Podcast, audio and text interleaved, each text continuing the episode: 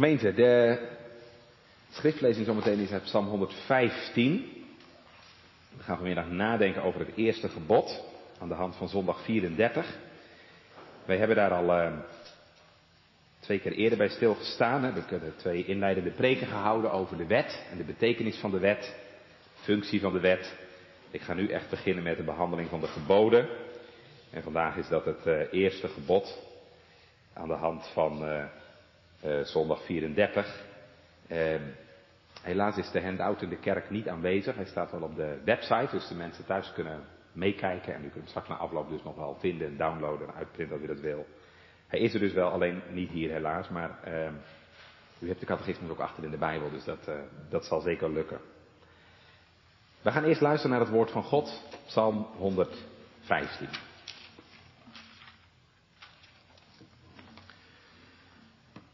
Niet ons, o Heere, niet ons, maar uw naam geef ere, om uw goede tierenheid, om uw waarheid wil.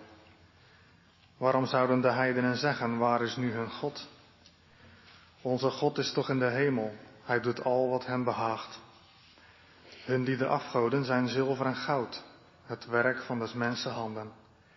Zij hebben een mond, maar spreken niet. Zij hebben ogen, maar zien niet. Oren hebben zij, maar horen niet. Zij hebben een neus, maar zij rieken niet.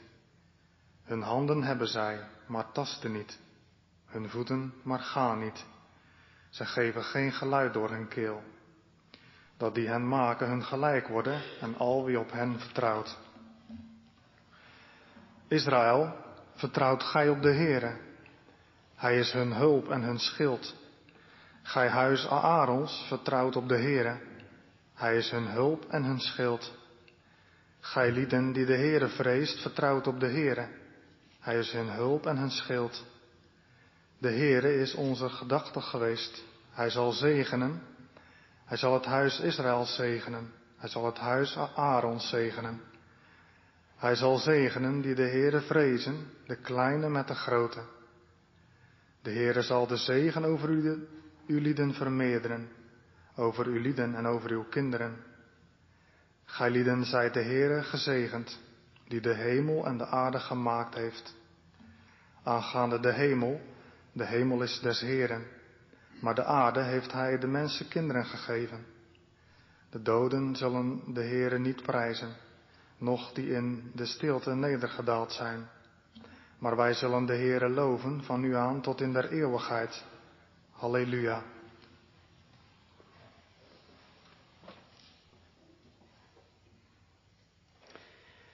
Gemeente, het gaat dus vanmiddag over het eerste gebod. U zult geen andere goden voor mijn aangezicht hebben. En wij staan daarbij stil aan de hand van vraag 94 en 95 van de Heidelberger Catechismus. Ik ga die met u lezen. Vraag 94. Wat gebiedt God in het eerste gebod? Antwoord dat ik zo lief als mij mijn zielerzaligheid is, alle afgoderij, toverij, waarzegging, superstitie of bijgeloof, aanroeping van de heilige of van andere schepselen, mijt en vliet.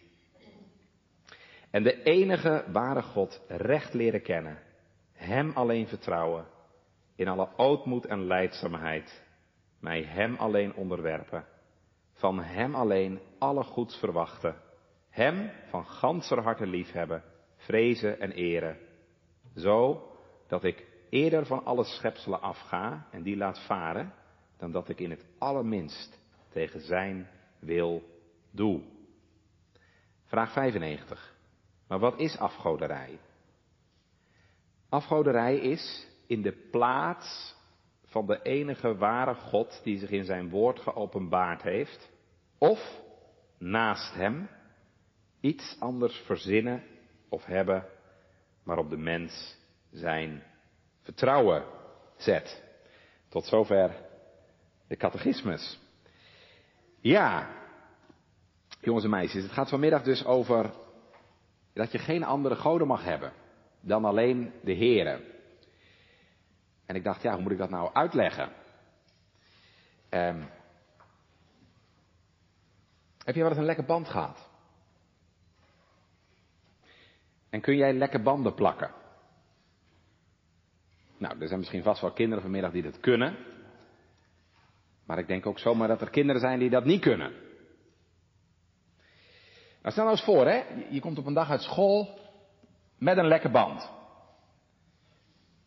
Nou, dat is heel vervelend, want je had net op school afgesproken dat je vanavond gaat zwemmen.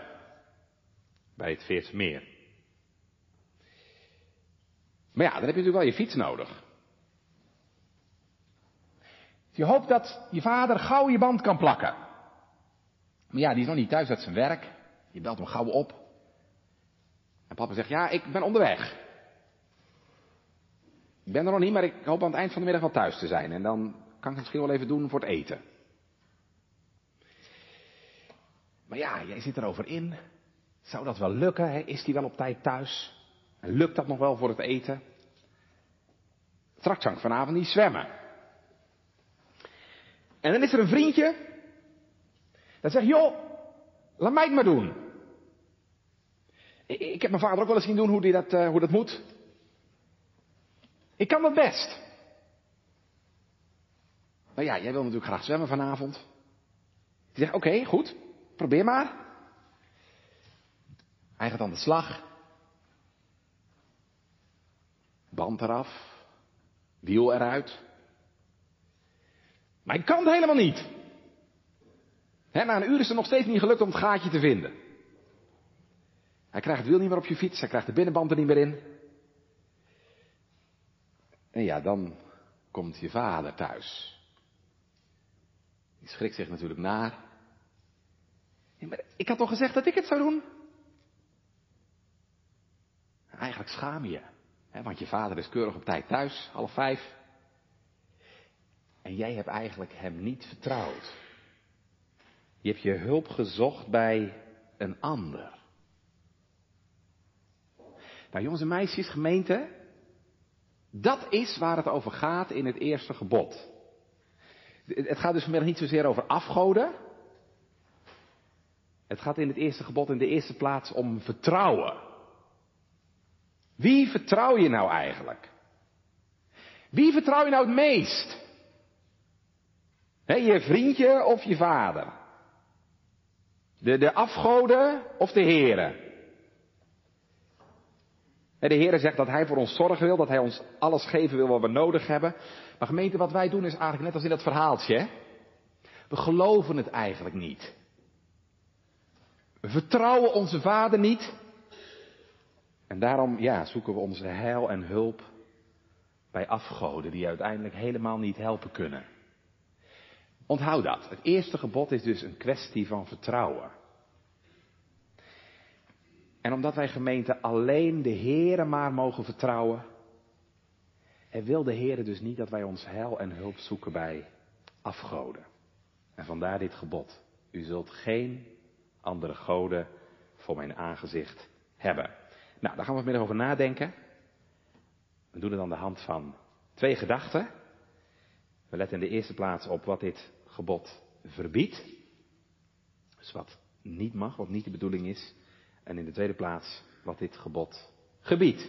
Dus met andere woorden wat de bedoeling ervan is, de positieve bedoeling. Wat dit gebod verbiedt en wat dit gebod gebiedt. Gemeente, wij hadden afgelopen week een uh, heerlijke paastol op tafel. En uh, een van onze kinderen vond het blijkbaar ook nogal erg lekker. Want uh, het was op een gegeven moment een nogal groot stuk. Waarop wij zeiden, hey, denk je ook nog aan ons? Eerlijk delen? Ja, bij veel dingen gemeente is het goed om eerlijk te delen. Maar dat is niet altijd zo. Delen is niet altijd goed. Het is zelfs zo gemeente dat bij sommige dingen het heel slecht is als je die deelt. Je, je lichaam delen met een ander als je getrouwd bent. Of de Heere delen met andere goden. Wist je trouwens dat het op elkaar lijkt? Hoe, hoe wordt afgoderij in het Oude Testament vaak genoemd? Hoererij. Overspel. Een vorm van geestelijk overspel. Hè? Je, je heil zoeken bij een ander en je eigen man of vrouw in de kou laten staan. Er is niks wat mensen zo diep raakt als wanneer je dat meemaakt. Gemeente, dit is niks wat de Heere God zo diep raakt als wanneer Hij dat meemaakt. dat mensen, dat zijn volk hem in de kou laat staan. En, en, en hun heil gaan zoeken bij, bij nietsnutten. Want dat zijn afgoden. Hè? Ijdelheden worden ze vaak genoemd in het Oude Testament. Ijdelheden, nou ja, dat is niks. Hè? Je blaast er tegen, het is weg. En dat notabene door je geliefde. Hè, van wie je houdt. Om wie je bezorgd bent en voor wie je zorgt. Dat raakt de Heer de diepst van zijn hart, gemeente. Dat is wat de, iets wat de Heer helaas al heel wat keren heeft moeten meemaken dat mensen hem in de kou laten staan en hun heil elders zoeken. Wij gaan vanmiddag nadenken over het eerste gebod. U zult geen andere goden voor mijn aangezicht hebben. Waarom is dit het eerste gebod? Nou heel simpel, omdat dit het belangrijkste gebod is. Er staat niet voor niks voorop. alle geboden, ook de andere negen, zijn natuurlijk heel belangrijk. Maar deze staat voorop. Dus eigenlijk gemeente zou je kunnen vergelijken net als met onze grondwet, de Nederlandse grondwet.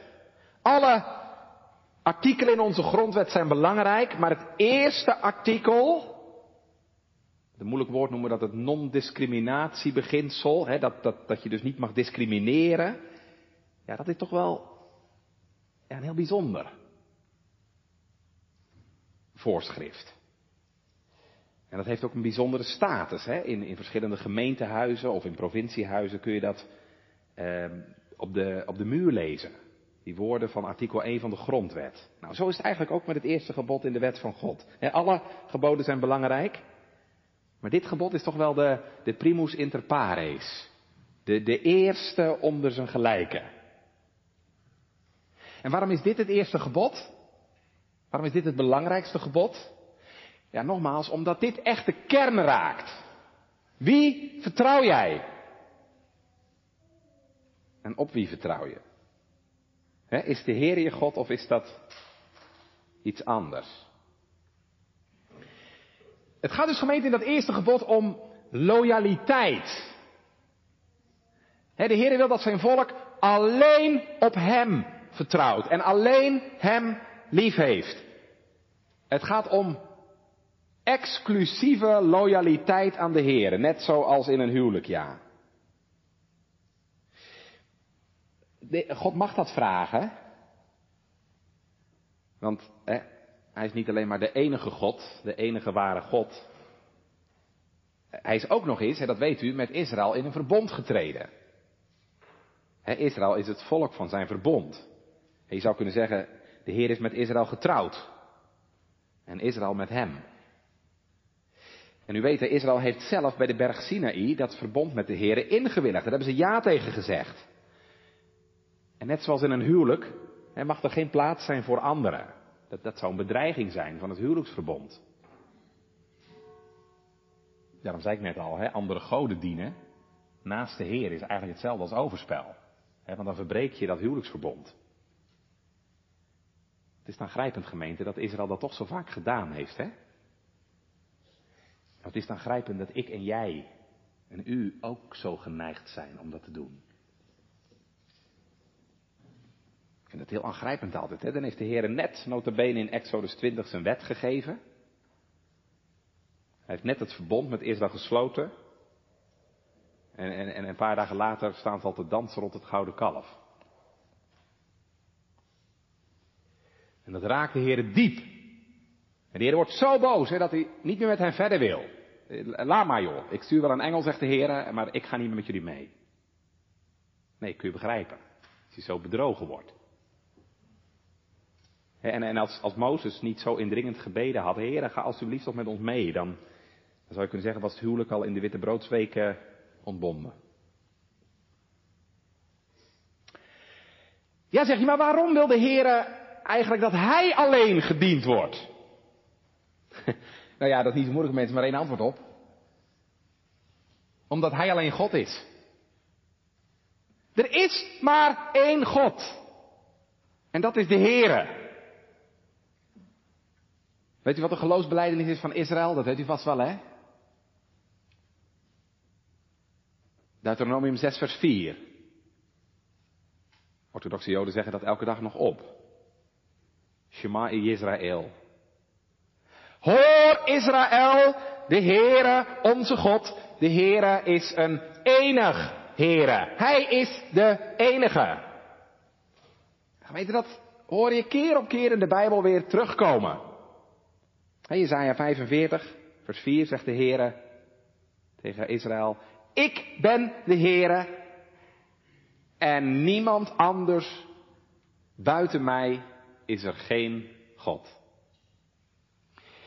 Ja, zeg je, maar dominee, waarom spreekt dat eerste gebod dan toch over andere goden? U zult geen andere goden voor mijn aangezicht hebben, als er helemaal geen andere goden zijn. Zal ik uitleggen? Het heeft de gemeente alles te maken met de wereld. De wereld waarin Israël leefde. Wat was dat voor een wereld?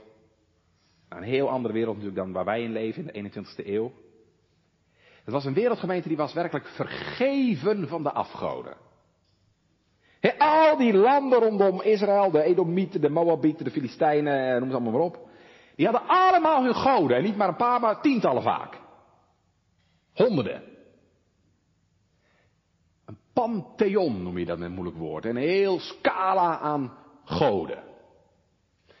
Het was dus een polytheïstische samenleving. Voor alle, ja, alle aspecten van het leven had je wel een God.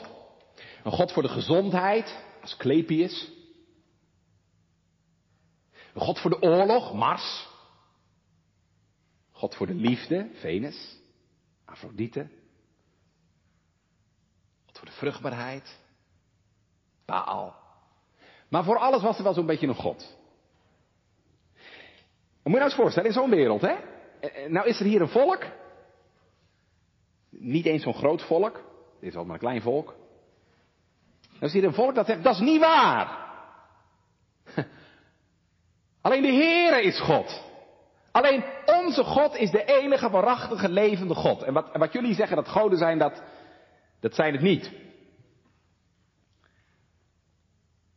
En daarom wordt er in het Oude Testament vaak ook zo hartelust gespot met die afgoden. Dat is best humor. Als je dat leest.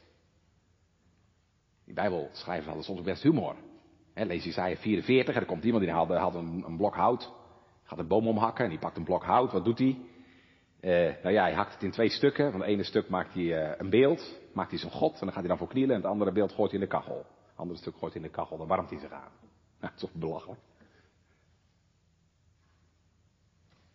Of, of neem Psalm 115, hè? Net gelezen. Hun afgoden zijn zilver en goud, het werk van mensenhanden. Hebben een mond, maar praten niet. Hebben ogen, maar zien niet. Ze hebben oren, maar ze horen niet. Ze hebben een neus, maar ze kunnen niet meer ruiken. Eh, ze hebben handen, maar ze kunnen niks voelen. Eh, ze hebben voeten, maar ze lopen niet. Er komt geen geluid uit hun keel. Dat die hem maken, hem gelijk worden.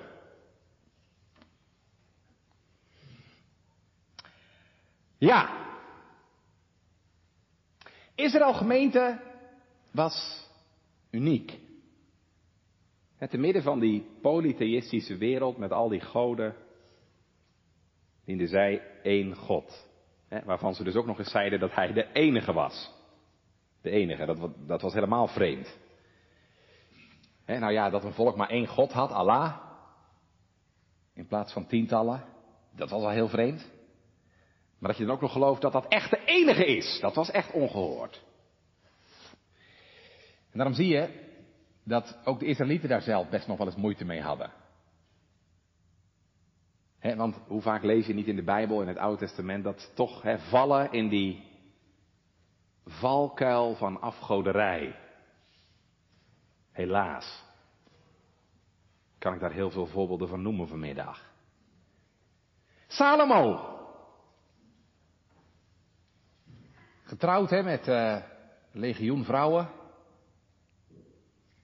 Koning, mogen wij ook onze God dienen? Ja, is goed joh. En wil je ook met ons meegaan dan een keer? Ja, is ook goed joh. En vervolgens ging hij zelf meedoen. Koning Agab, hè, die, de, die de Baal introduceert via zijn vrouw Izebel, had ze meegenomen van huis uit. Die vreselijke koning Manasse, hè, die zelfs het huis van de Heeren vol laat zetten met beelden van andere goden. Zeg maar gerust gemeente, het is ook voor Israël een hele grote zonde geweest. Om toch hun vertrouwen te stellen op andere goden. Meestal dan de goden die de volk om hen heen ook dienden. Het is moeilijk hè, als heel de klas voor Ajax is om in je eentje voor PSV te zijn of zo. Dat idee. Dus gaan we dan toch ook maar overlopen.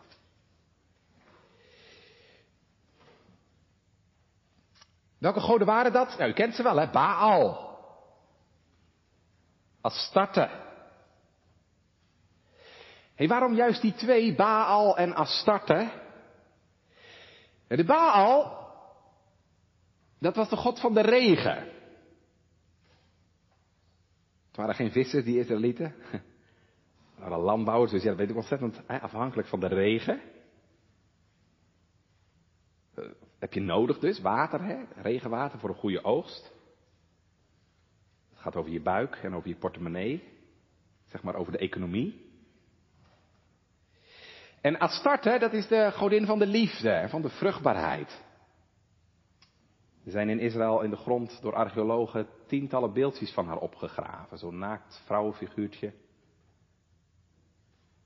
De gemeente zijn dat, zijn dat niet de goden die vandaag nog steeds hè, op allerlei manieren gediend worden? Welvaart, voorspoed, succes, seksualiteit. Maar God duldt dat dus niet.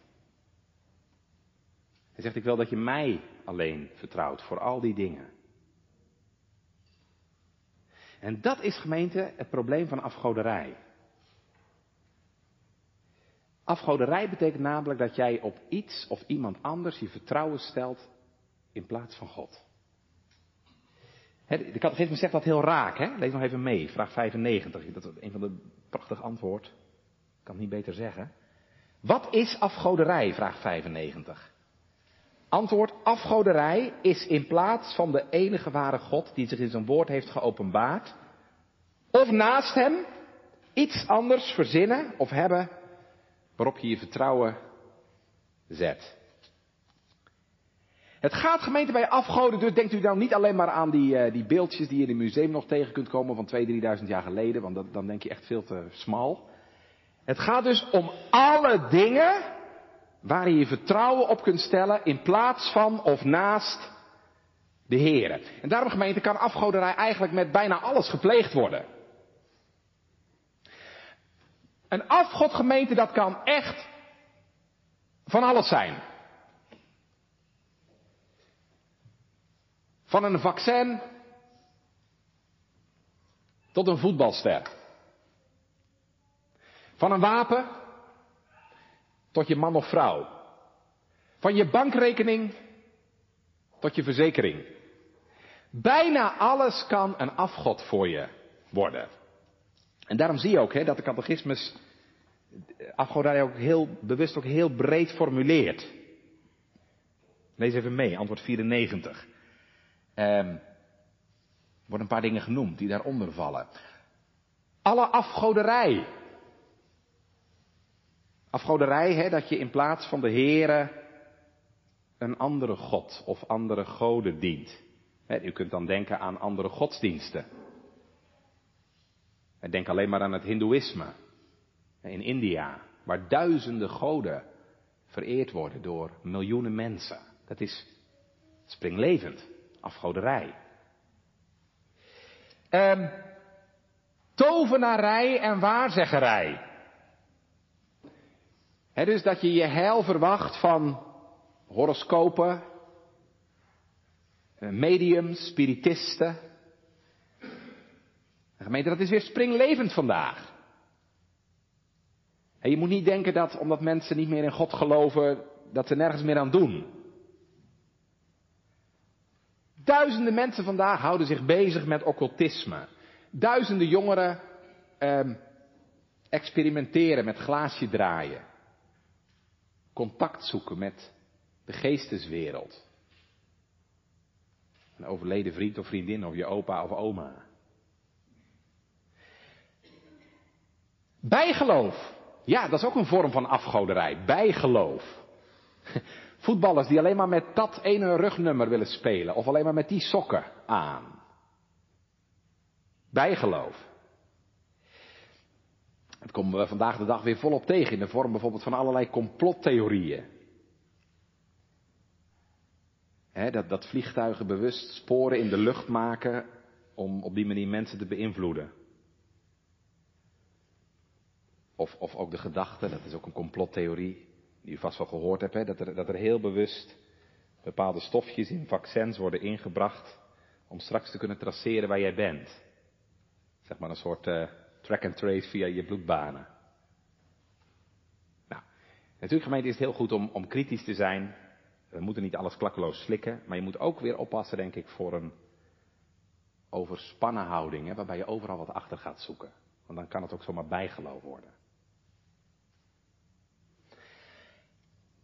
Aanroeping staat er van de heiligen of andere schepselen. Ja, dat zullen wij protestanten natuurlijk niet zo gauw doen, heilige aanroepen, maar ja, in de tijd dat de catechismus werd opgesteld, 400 jaar geleden, waren er hele volkstammen hè, die hun vertrouwen stelden op Maria en andere heiligen. En die zijn er nog. ga maar eens in Tongeren kijken, in België. Eens in de zeven jaar als de grote processie plaatsvindt. Dan zie je dat die heilige verering nog springlevend is. Maar ook andere schepselen staat er. Je mag niet je vertrouwen stellen op andere schepselen. Nou ja, hoeveel zijn er niet gemeenten die eh, meer hun vertrouwen stellen op schepselen dan op de schepper? Die, die hele goede arts die jou behandelt. Of technici die de wereld steeds beter gaan maken. Wetenschappers. Ik werd gemeente een paar weken geleden nogal geraakt door een kop in de krant. Er was een artikel in de krant over uh, verschillende vaccins die de ronde doen. Nou, jij hebt ook al gezien de afgelopen week dat je daar niet altijd wel je vertrouwen op moest stellen. Maar goed, uh, artikel dus over verschillende vaccins. En daar stond als kop boven, dit zijn de vaccins die de wereld gaan redden. Alsjeblieft. Dit zijn de vaccins die de wereld gaan redden. Is dat afgoderij of niet? Als vaccins ons moeten redden. Trouwens, in heel deze coronacrisis vraag je je af, waar is eigenlijk het vertrouwen op God, de levende God? Bij onze overheid, bij artsen, bij mensen en bij kerkmensen. Het gaat me er vanmiddag echt niet om of je nou voor of tegen vaccineren bent. Dan moet u vooral zelf voor Gods aangezicht uh, uitkomen. Maar ik kan u wel zeggen dat het me de laatste maanden verschillende keren heel weldadig heeft aangedaan. Als je in de gemeente mensen mag ontmoeten die, ja, in alle eenvoud vertellen, dominee, we geloven dat ons leven in Gods hand ligt. En daarom willen we liever niet ons betrouwen stellen op een vaccin of op mensen. Nou, dat zou ik vaker willen tegenkomen, die houding. van ootmoedige overgave van heel je leven. Gezondheid en ziekte aan de Heer. Nou ja, je ziet gemeente, dat is wat de catechisme bedoelt, hè. Afgoderij kan heel veel vormen aannemen. Weet je wat Calvijn zei? Dat is een hele mooie uitspraak. Nou ja, niet zo'n mooie uitspraak, maar goed, wel, wel waar. Calvijn zegt, het menselijk hart is een fabriek van afgoden. Onze hartgemeente is een fabriek van afgoden. Wij produceren de ene afgod na de andere. En je vraagt, ja, hoe komt dat toch? Waarom hebben we nou zo'n behoefte om te steunen op die afgoden? Hoe komt dat toch? Daar wil ik even nu naar kijken. Ja, dat komt gemeente omdat wij geschapen zijn als religieuze, als godsdienstige mensen. Wat bedoel ik daarmee? Als ik zeg, wij zijn geschapen als religieuze mensen, dan bedoel ik gemeente, wij, wij mensen, wij moeten iets hebben om, om te vereren, om op te bouwen en ons vertrouwen op te stellen. En op zich is dat helemaal niet verkeerd, want zo heeft God ons geschapen. God heeft ons geschapen dat we op Hem zouden betrouwen. Maar de zondegemeente heeft ervoor gezorgd dat jij en ik dat niet meer doen. Dat wij niet zomaar meer de Heeren vertrouwen. Maar gemeente, al dienen wij mensen de Heeren niet meer, al eren en dienen we God niet meer, die die behoefte, die drang om iets te eren en te dienen, dat zit er nog steeds. Dat zit nog steeds in jou en mijn hart. En gemeente, dan gebeurt er iets heel aangrijpends. Dan vindt er met een moeilijk woord substitutie plaats. Vervanging. En ik ga u uitleggen wat ik daarmee bedoel. Vervanging. Dan ga ik even naar Romeinen 1. Ik zoek het even op, Romeinen 1. Daar legt Paulus dat uit, hoe, hoe, hoe dat gaat, hoe wij, dat, hoe wij mensen dat doen. Ik lees even voor Romeinen 1, vers 23. Daar staat, ze hebben de heerlijkheid van de onverderfelijke God veranderd in de gelijkenis van een beeld van een verderfelijk mens. En van gevogelte en van viervoetige en kruipende dieren. Ze hebben de heerlijkheid van God vervangen door het beeld van een vergankelijk mens, van viervoetige en kruipende dieren. Gemeente, dat zag Paulus letterlijk om zich heen, hè? Dat weet u. Toen hij in Athene kwam, handelingen 17, toen zag hij op elke hoek van de straat een altaar of een afgodsbeeld staan. Daar stond een beeld van een mens of een dier wat letterlijk vereerd werd. Ze hebben de heerlijkheid van de onverderfelijke God vervangen door een stom beeld. En gaat hij verder, ik lees nog even voor, vers 25. En ze hebben de waarheid van God vervangen, veranderd in de leugen. En ze hebben het schepsel geëerd en gediend boven de schepper, die te prijzen is tot in eeuwigheid. Hoor je wat hij hier zegt? U hoort het, hè? er is sprake van vervanging. God wordt vervangen door de leugen. En in plaats van dat we onze schepper eren en dienen, dienen we dus het schepsel. Hoort u het? Niet de schepper, maar het schepsel. Dus dat wat geschapen is. Dat is de kern van afgoderij. Wat Paulus hier zegt in Romeinen 1. Niet meer de levende God dienen, maar, maar iets van beneden. Niet meer de schepper, maar het geschapene. Een mens. Een beeld. Een theorie. Een ideologie. Een merk. Kan ook nog, hè? Nike, Adidas, noem maar op. En daarom is afgoderij zo erg. Paulus zegt, afgoderij is een poging om, ja, God weg te moffelen. God uit te schakelen en hem te vervangen door iets anders.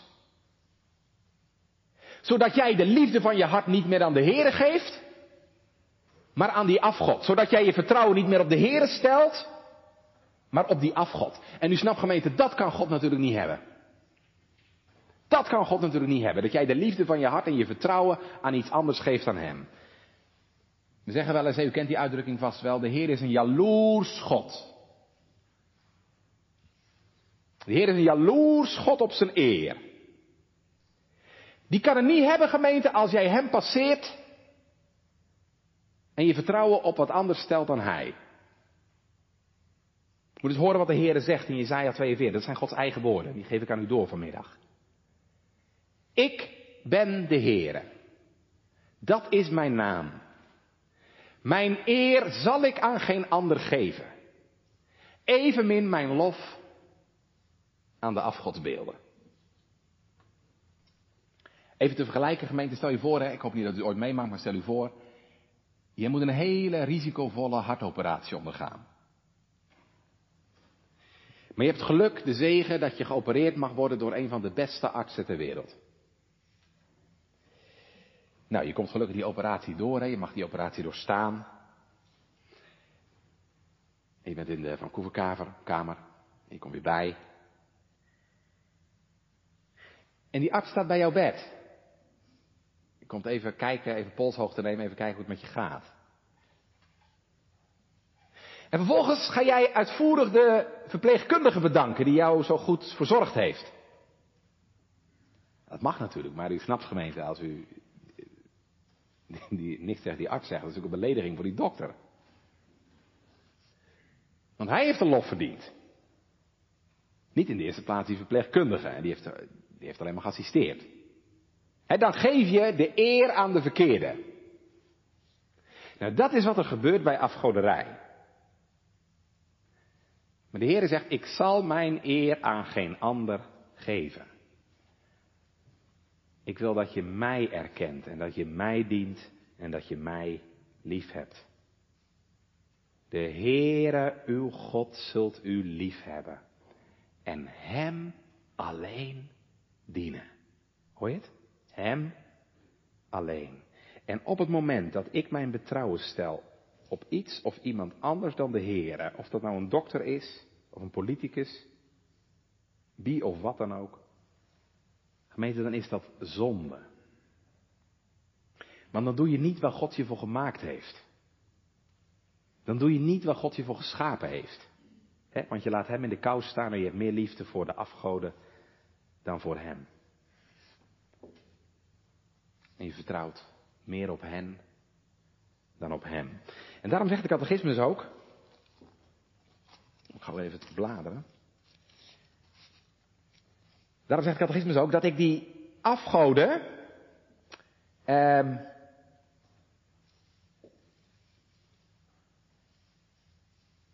ja, ik heb het.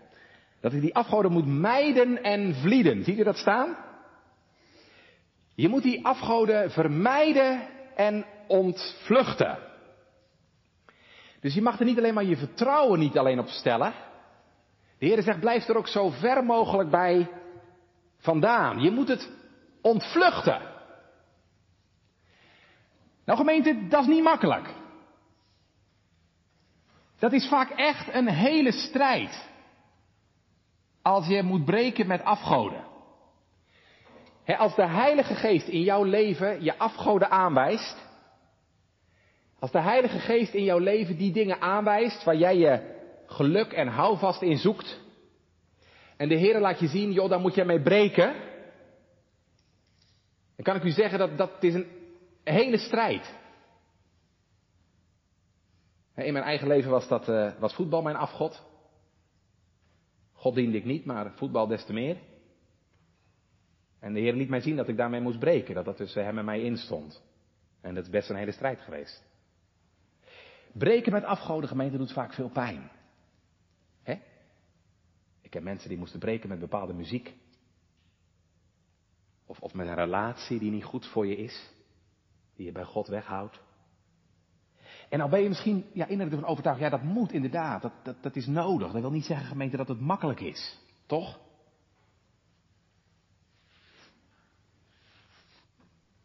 Stel je voor iemand heeft een slecht huwelijk. En is heimelijk in zijn hart verliefd op een ander. En je maakt eigenlijk in je hart hè, een afgod van die andere man of vrouw. Hij of zij, ja, die zou je gelukkig kunnen maken. Is afgoderij. De Heer zegt, breek daarmee. Maar dat wil niet zeggen natuurlijk, gemeente, dat het makkelijk is. Hoe moet dat dan? Ga ik u proberen bij te helpen. De enige manier, gemeente, waarop je kunt breken met afgoden, is dat je gaat inzien dat afgoden altijd liegen. Onthoud dat.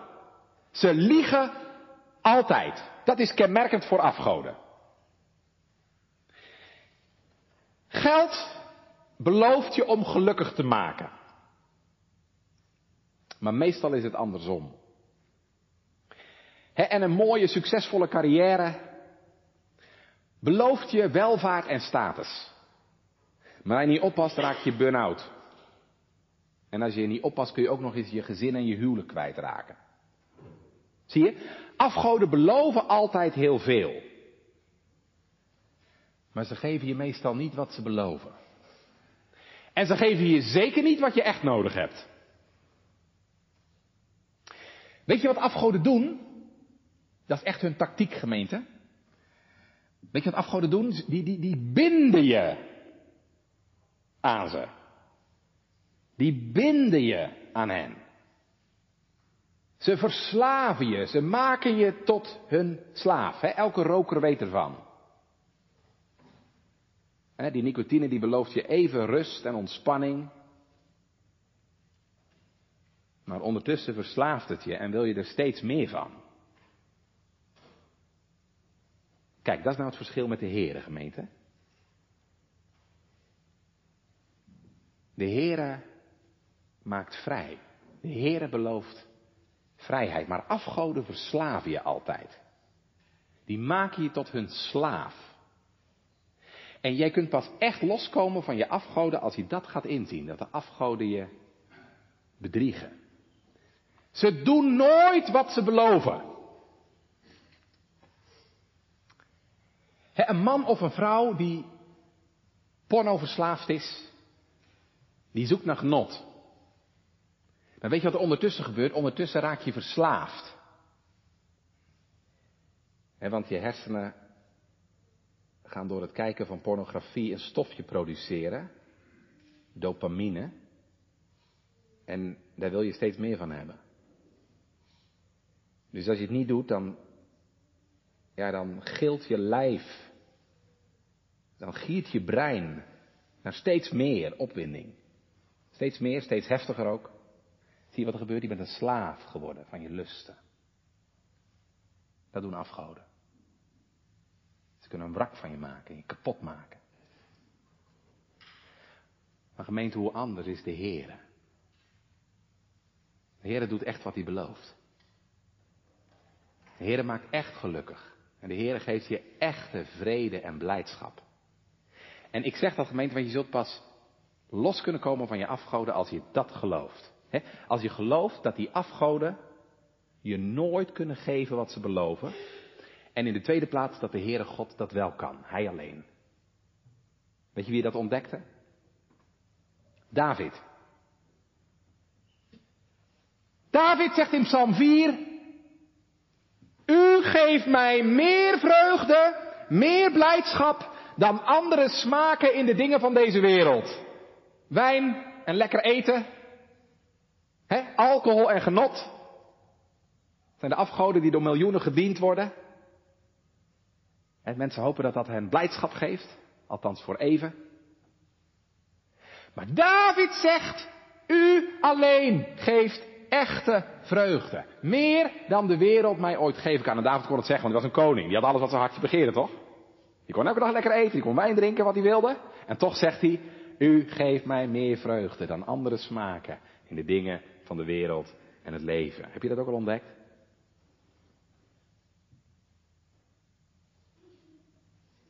Heeft de Heer de afgoden in je leven laten zien?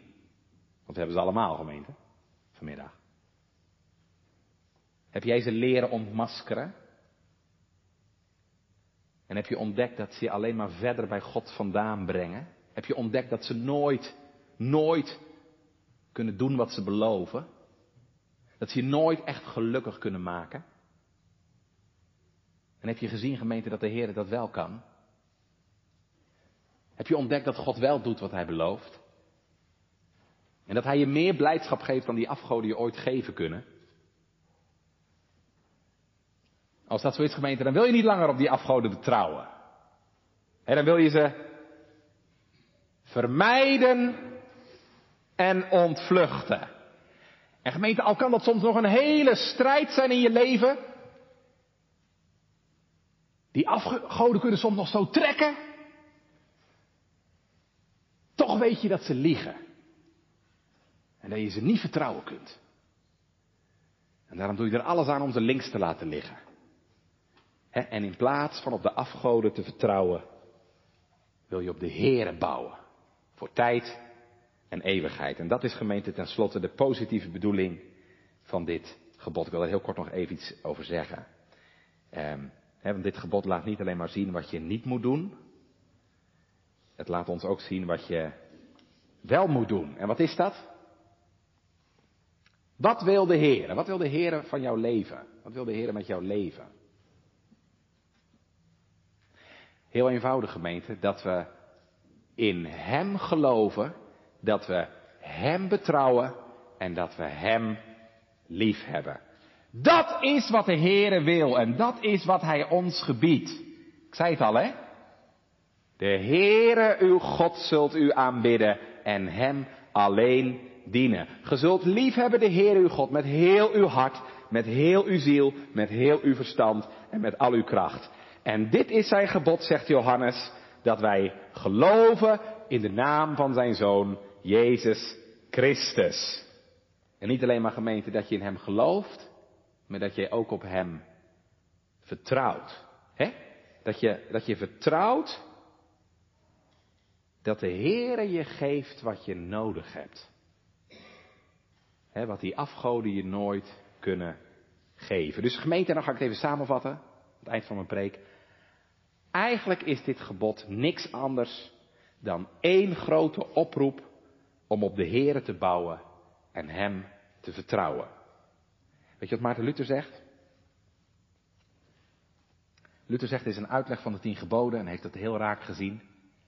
Hij zegt, dit gebod, u kunt nalezen op de handout, want ik heb het daarop gezet. Hij zegt, dit gebod vraagt het hele hart van de mens en alle vertrouwen op God alleen en op niemand anders. Dus dit eerste gebod gemeente is ten diepste niks anders dan een één grote oproep om op de Here te bouwen. En een belofte van de Here dat Hij voor ons zorgen wil en dat Hij ons geven wil wat we nodig hebben voor tijd en eeuwigheid. Want hé, hey, wat gaat er vooraf aan het eerste gebod? Ja, dan denk je misschien, oh nee, dat is een rare vraag. Wat, wat kan er nou vooraf aan het eerste gebod? Ja, en toch, mensen, staat er nog wat voor, hè? Wat, staat er, wat gaat er nog aan het eerste gebod vooraf? Weet u gemeente, er gaat een belofte aan vooraf. Hoe beginnen de tien geboden? Die beginnen met een belofte. Ik zal hem even voorlezen, ik heb hem hier voor me liggen. God sprak al deze woorden en zei, ik ben de Heere, uw God. Ik ben de Heere, uw God. De God die jullie uit het diensthuis van Egypte verlost heeft. De God die voor jullie gezorgd heeft tijdens deze woestijnreis. Ik ben het die voor jullie zorgt. En ik ben het die jullie verlost. En daarom wil ik niet dat je andere goden voor mijn aangezicht hebt. Want ik ben de Heere uw God. En ik wil dat je mij vertrouwt en op mij bouwt. Dat is de kerngemeente. God vraagt uw hart. Mijn zoon, mijn dochter, geef mij je hart. Hij wil dat je op hem vertrouwt, op hem alleen. Daar staat toch heel de Bijbel vol mee? Ken mij in al je wegen en ik zal je paden recht maken. Werp al uw bekommernis, al uw zorg op mij, want ik zorg voor u. Wentel u weg op de Heere, vertrouw op Hem, Hij zal het maken. En daarom zegt de catechismus niet alleen maar hè, dat we de afgoden moeten vermijden en ontvluchten, maar, nou lees ik het even voor, maar ook dat we de enige ware God recht leren kennen, Hem alleen vertrouwen, in alle ootmoed en leidzaamheid, mij aan Hem alleen onderwerp, van Hem alleen alle goeds verwacht en Hem van ganser harte liefheb, vrees en eer. Alzo dat ik nog eerder van alle schepselen afga en die laat varen, dan dat ik in het allerminst iets tegen zijn wil zou doen. Gaat het hier om? Heel eenvoudig gemeente, dat je de Heere de eerste plaats geeft in je leven. Dat je Hem alleen gelooft, dat je Hem alleen lief hebt en dat je Hem alleen vertrouwt. En dat je gelooft dat Hij je, dat Hij alleen je geeft wat je nodig hebt. En niet de afgoden. Doet u dat? Is dat je verlangen om zo op de Heer te bouwen en te vertrouwen? Toets jezelf daarop vanmiddag. Gemeente, heel eenvoudig. Die vraag die, die stel ik aan u allemaal, ook aan mezelf. Van wie is nou je heil, je hulp en je verwachting? Kijk, het is natuurlijk makkelijk gezegd, hè? Mijn hulp is van de Heer alleen als het goed gaat in je leven. Maar dat moet er maar eens op aankomen. Als de nood aan de man is. Als je ziek wordt. Als mensen je ontvallen op wie je geleund en gesteund hebt. Als er aan je leven geschud wordt. Ja, gemeente, dan, dan wordt het wel openbaar. Dan wordt het wel duidelijk van wie je verwachting nou echt is. En weet je wat dan ook blijkt? Dan vallen wij zo heel vaak gemeente zo door de mand. En dan blijkt dat die afgoden gemeenten nog heel hardnekkig zijn. Heel hardnekkig. Ook bij kinderen van God. Hè? David, de man naar Gods hart, laat notabene zijn volk tellen om te zien hoe sterk die is. Hiskia laat vol trots hè, al zijn schatten zien aan de gezant uit Babel. En dan kan zomaar blijken, gemeente, dat, dat het niet de Heere is, maar de verzekeringsmaatschappij. Of die prik die ik heb gehad. Of die dokter, weet je wel, die ene hele goeie. Of dat appeltje voor de dorst wat je nog ergens hebt en waar ik het van verwacht. Ja, wie is dan eigenlijk je God? Mag ik nog een keer Luther aan het woord laten? Heel scherp, Luther. Luther zegt, waar je hart aan hangt en op vertrouwt, dat is uw God. Waar jouw hart aan hangt en waar jij op vertrouwt, dat is je God. Ja, en dan blijkt gemeente als het erop aankomt dat ook kerkmensen nog heel wat andere goden dienen dan de Heer. En dat zonder vernieuwende genade wij altijd op iets anders vertrouwen dan de Heer. omdat wat ik kan zien en wat zichtbaar is en wat ik kan tasten en voelen, ja, dat voelt vaak veel veiliger dan vertrouwen op de levende God.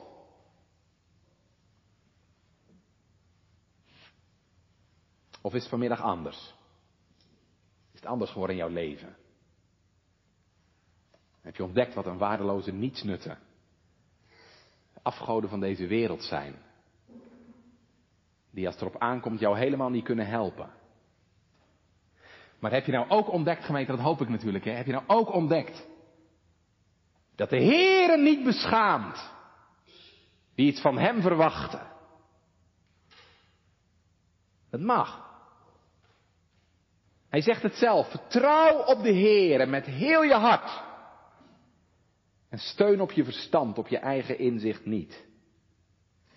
Ken mij in al je wegen en ik zal je paden recht maken. Als je dat doet, gemeente, daar eer je de Heer mee. Als je laat zien, maar ik stel mijn vertrouwen op de Heer alleen.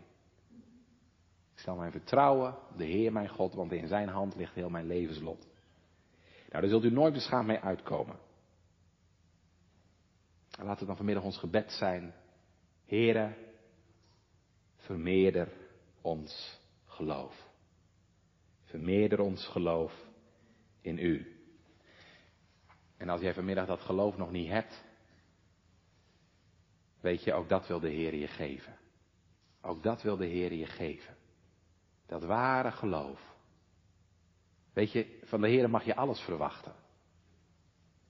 Van de Heer mag je nou werkelijk alles verwachten. Weet je waarom?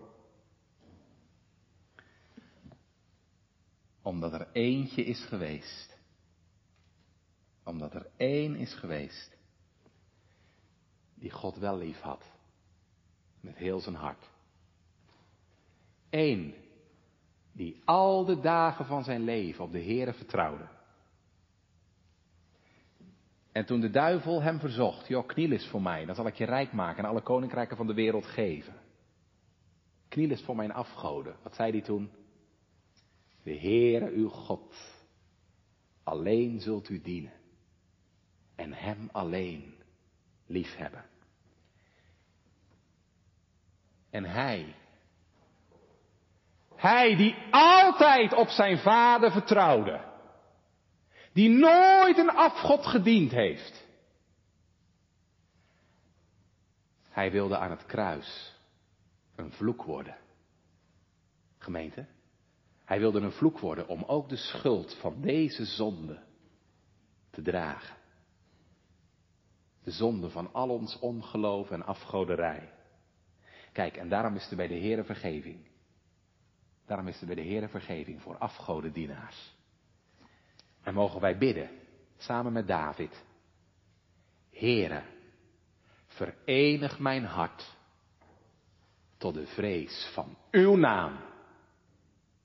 Heren, dat ik u alleen zal vrezen. Een hart dat niet meer de afgoden dient, maar u. Om u al mijn liefde waardig te schatten. Met heel mijn hart, met heel mijn ziel, met heel mijn verstand en met al mijn krachten. Amen.